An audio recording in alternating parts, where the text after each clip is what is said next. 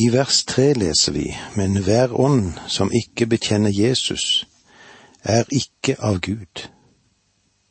Det er antikristens ånd som dere har hørt skal, som skal komme, og den er allerede nå i verden.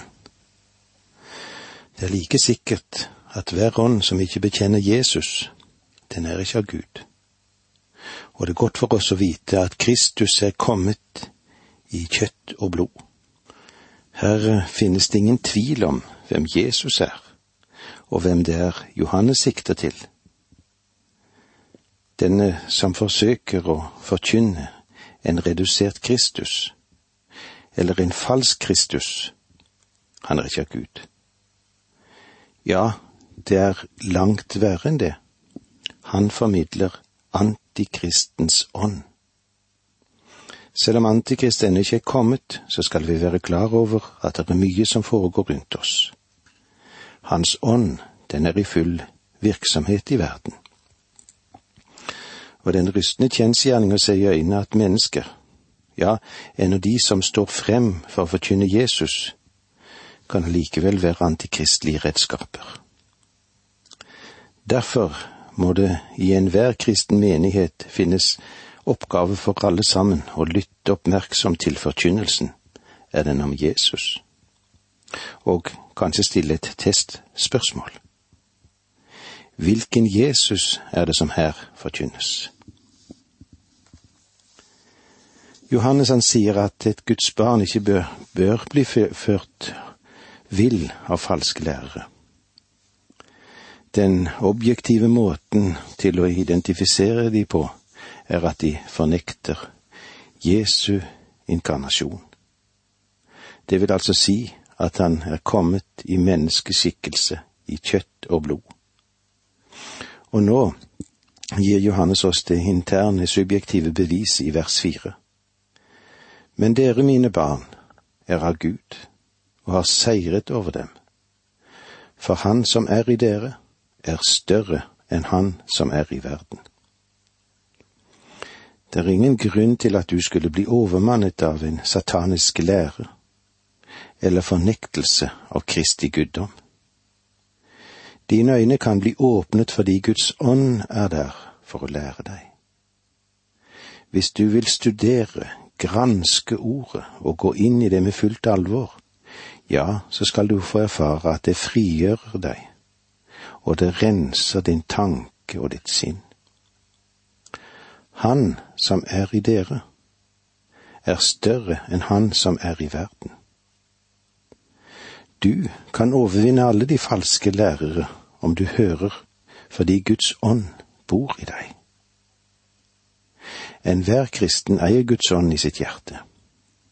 Men hør nå hva Paulus har å si oss i Romerbrev 8, 9. Men dere er ikke i den usyndige natur, dere er i ånden så sant Guds ånd bor i dere. Den som ikke har Kristi ånd, hører ham ikke til. Og tidligere i romerbrevet forteller Paulus oss om et av resultatene ved å være rettferdiggjort ved tro. I det femte kapitlet, vers fem der. Og håpet skuffer ikke, for Guds kjærlighet er utøst i våre hjerter ved Den hellige ånd som han har gitt oss. Og så ser vi òg i første Korinterbrev 6,19. Vet dere ikke at deres legeme er et tempel for Den hellige ånd, som er i dere, og som dere har fått av Gud? Dere tilhører ikke lenger dere selv. Talte Paulus til de meget fromme, eller de superkristne, noen som virkelig hadde nådd opp på toppen? Som hadde mye åndelig innsikt, og som levde daglig på et høyt åndelig nivå. Nei da, han skrev til korinterne, og han kalte dem kjødelige og barn i Kristus. De korintiske kristne var omtrent alt det de ikke skulle ha vært, og likevel bodde Den hellige ånd i dem Ethvert Guds barn har Den hellige ånd. og det er grunnen til at du kanskje i første rekke ikke trenger en engel som åpenbarer seg for deg i kveld for å si det du trenger å vite. Den hellige ånd er der allerede for å lære deg, og Den hellige ånd åpner Guds ord for deg. Du kan ikke holde deg borte fra Bibelen, stille deg likegyldig og overbærende til Guds ord og likevel vente at Guds ånd skal lede deg og føre deg. Jeg forsøker å få mennesker inn i Guds ord fordi jeg til stadighet har sett at Guds ånd åpner folks hjerter, og kan bevare dem gjennom denne verden. Vi lever i en ond verden på mange måter, og vi trenger av og til å bli advart mot de falske lærere som lanseres og er i sving rundt oss, ja, overalt nesten. Johanne, Johanne sier oss at vi kan prøve menneskenes lære, og dette er en lære som vil fungere. Fornekter den som underviser Kristi inkarnasjon, ja, da er det noe galt på ferde. Da er det antikristens ånd som er til stede. Og jeg regner med at du ikke ønsker å følge den for den strider mot Kristi ånd, selv om den forsøker å imitere ham. Vanligvis er falske lærere svært så attraktive mennesker, og mange av de har det vi kan kalle for karisma. De har, det de, de kan, det er å virkelig appellere til menneskesinnet. Men de kan prøves ved Guds ord, ord og for Den hellige ånd for det er der du finner din lærer og din leder. Vers fem De er av verden, derfor er deres tale av verden, og verden lytter til dem. Falske lærere får etterfølgere. De okkulte og kultene, de vokser opp på sine steder fortere enn kristenheten. De har den fordelen at de kan appellere til vårt kjøtt, til kjødet vårt. Det er ikke noe vi kan det. Vi må vokte oss for de metoder som blir brukt. Er det bestemt av vår kjødelige tenkning, dette? Er det vanskelig at Gud kan komme til å få velsigne den?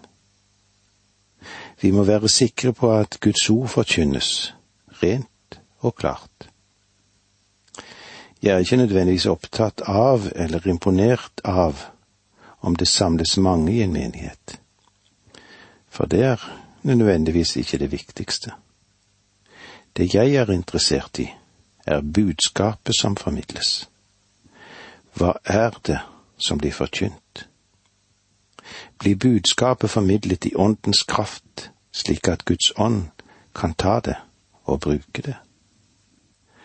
Lærer mennesket Kristus å kjenne gjennom det som blir forkynt, eller hvordan er det? Gud vil at vi skal bruke litt innviet bondevett også når vi har med det religiøse og kristne siden og saker å gjøre. De er av verden. Derfor er deres tale av verden, og verden lytter til dem. Når Johannes brukte Kain Abel som en illustrasjon i kapittel tre, så sa han at Kain var ikke rettferdig og var ikke Guds barn. Han sa ikke at Kain ikke var religiøs. Kain brakte et offer. Faktisk så har jeg en følelse av at hans offer var mye mer tiltalende enn det Abel kom med. Kains offer var vakkert han hadde med frukt og grønnsaker av forskjellige farger og saker fra åkrene sine. Men Abels offer var blodig og ville ha virket vemmelig, ja, kanskje frastøtende for mange mennesker. Men Abels offer, det er akseptert av Gud, fordi det erkjente menneskets sin synd, og det erkjente behov for en frelser. Kain, han anerkjente og erkjente ingenting, han. Ikke i det hele tatt. Kjødet er avhengig av seg selv. det er ikke avhengig av Gud.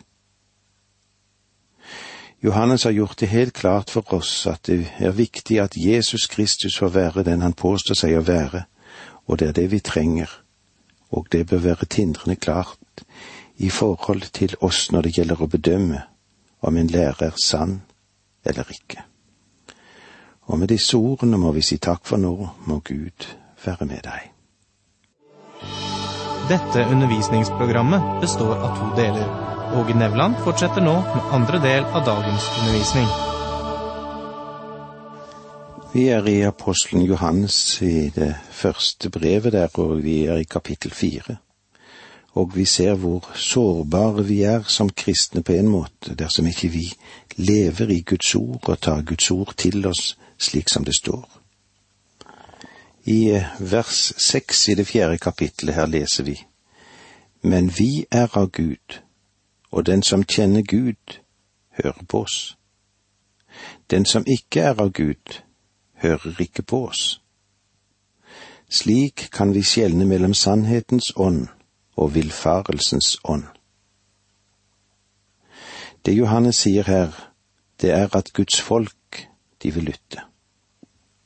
Og de som ikke er av Gud, hva med de da? De vil ikke lytte og Kristi tjeneste er ikke avhengig av dem. Guds folk, hans sanne troende skal bære Guds gjerning videre. Husk nå på at paktsarken ble båret på skuldrene til Israels prester. Arken, den taler om Kristus, og skal vi føre ham til verden, må vi bære ham på våre skuldre. For å bli iallfall i det bildet. Den sterke oppmuntringen i tjenesten er vissheten om at Guds barn, de vil høre på deg når du forkynner Guds ord. De som er hans, vil ikke for alltid bli lurt eller forført. Kristus sa at det er ikke mulig å føre hans utvalgte vil. Johannes var sikker på hvem den Herre Jesus er.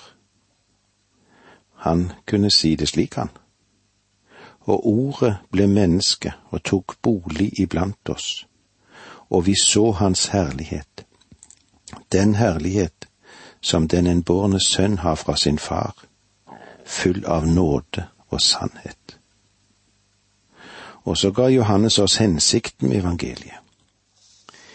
Jesus gjorde også mange andre tegn for disiplenes øyne, som det ikke er skrevet om i denne boken men disse er skrevet ned for at dere skal tro at Jesus er Messias, Guds sønn, og for at dere ved troen skal ha liv i hans navn.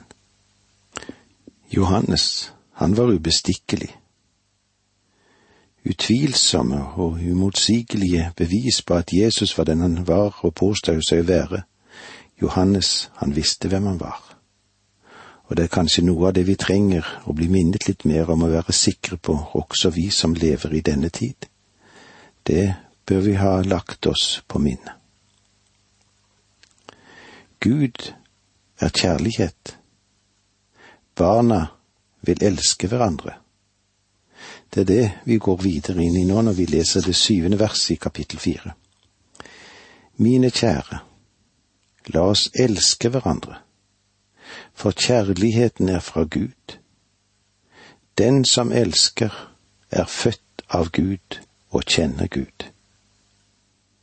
Mine kjære, la oss elske hverandre. Hvorfor? For Gud er kjærlighet. La oss være litt nøye her med å forklare hva det er Johannes taler om. Han har nettopp gitt oss en advarsel angående falske lærere som ikke skal elskes. Og dette må være klart for oss, vi må være klar over det. Jeg ber ikke for dem. Jeg lar ikke det gli over mine lepper en platthet som sier, jeg skal be for deg. Jeg ber ikke for dem. Følger vi Johannes, så gjør han det helt klart at de er djevelens barn. Jeg ber for Guds folk, og jeg ber for fortapte syndere som vil vende seg til Kristus, om de bare får tak i ordet. Og det er jo din og min oppgave å formidle ordet til dem. Etter å ha gitt en advarsel angående falske lærere, så vender når Johannes seg tilbake til hovedtemaet i dette brevet, eller i denne delen av brevet. De troende skal elske hverandre. For jeg vil gjerne minne om at ordet for kjærlighet her er ikke eros. Johannes taler ikke om det som har med sex å gjøre. Gjennom hele denne hoveddelen er ordet for kjærlighet agape. Her er det ikke et ord som skjuler en mengde av sentimentalitet. Det er ikke seksuelt betinget. Og det har heller ingenting med sosial kjærlighet å gjøre. Dette er en overnaturlig kjærlighet. Det er det som Den hellige ånd har lagt ned i våre hjerter, og bare Guds ånd kan gjøre denne virkelig for oss. Det er Guds kjærlighet, av samme karakter som den Gud har. Og derfor er det bare Guds ånd som kan formidle denne kjærligheten til andre. Dette er ikke den kjærlighet du har til en venn som du liker å være sammen med. Jeg kan være litt engstelig og redd for at dette verset blir misbrukt av mange. Da jeg var yngre, brukte jeg dette verset i forbindelse med at jeg forsøkte å gjøre mine roser grønne hos en jente. Mine kjære, la oss elske hverandre, for kjærligheten er av Gud. Men den kjærligheten jeg talte om, var ikke denne kjærligheten som Johannes her taler om. Det kan jeg forsikre deg om. Jeg mistolket og forsto det ikke riktig, og jeg må bekjenne at jeg ikke alltid hadde så svært edle opphøyde hensikter akkurat da. Mine kjære, la oss elske hverandre, og det vil si å elske andre troende. Den som elsker er født av Gud og kjenner Gud. Dette er å nærme seg begrepet fra den menneskelige synsvinkelen det synspunktet. Når du møter et menneske som sier at han eller hun er troende, om du merker at de elsker deg og elsker de andre troende, ja, da kan du være sikker på at her har det med et Guds barn å gjøre. Og jeg får en del brev som bærer disse vidunderlige vitnesbyrdet om en kristens kjærlighet som jeg også får være gjenstand for. På min måte får jeg lov til å bære dette videre til andre. Deres kjærlighet er for meg, det er et glatt vitnesbyrd at de virkelig er født på ny, og at de er Guds barn. Vers åtte Den som ikke elsker, har aldri kjent Gud, for Gud er kjærlighet. Den som ikke elsker, har aldri kjent Gud. Og det er enda en prøve på om du er et Guds barn eller ikke. Jeg ber deg ikke om å elske din mor eller far. Jeg spør deg heller ikke om du elsker din hustru eller din ektemann eller dine barn eller dine elskelige kusiner eller fettere eller hva det nå måtte være. Det er ikke det jeg spør om. Det jeg spør om, elsker du andre troende? Kanskje noen vil si, vel, jeg kan jo elske noen av dem. Og det er en hjelp. Du beveger deg kanskje nå i riktig retning. Det er noen troende som er vanskelig å elske, det kan så være. Men jeg tror at vi kan elske dem på en måte at vi har omsorg for dem. Det er ikke nødvendig slik at du vil legge armen rundt dem Måten du kan vise din kjærlighet på er ved din omsorg for andre, som i sin tur vil føre til at du hjelper dem og holder dem oppe på all vis du kan. Johannes gir oss enda en definisjon på hva Gud er, og av Gud. Gud er kjærlighet. Vi har eh, tre store definisjoner av Gud i denne vidunderlige lille boken. Det første er Gud er lys. 1. Johannes 1,5. Og det var det temaet vi stoppet opp for òg i kapittel 1 vers 1 og i kapittel 2 vers 2. Og så har vi den andre tingen. Nå er selve hjertepunktet i brevet at Gud er kjærlighet. Det finner vi òg i dette kapitlet vi er innom nå, kapittel 4, vers 8 og 16. Og det er òg temaet som vi hadde i kapittel 2, vers 3, og det går til og med vers, eh, vers 21 i kapittel 4. Gud er liv, er det temaet som vi går inn i når vi kommer i det femte kapitlet. Dette er de tre store definisjoner av Gud, og det var det Johannes gir oss, og det er det som gjør de tre hoveddelene i denne vidunderlige boken så godt for oss. Johannes sier her og senere i vers 16 Gud er kjærlighet. Vers 9 Og Guds kjærlighet ble åpenbart blant oss da han sendte sin enbårne sønn til verden, for at vi skulle ha liv ved ham. Hvordan elsker Gud oss? Vel, den kjærligheten finner du ikke primært i naturen men der vil du finne en blodig tann og skarpe klør, kanskje. Det er mye av det i naturen og det som blir åpenbart for oss der. Du møter Guds kjærlighet på Golgata. Det er der du finner Guds kjærlighet uttrykt.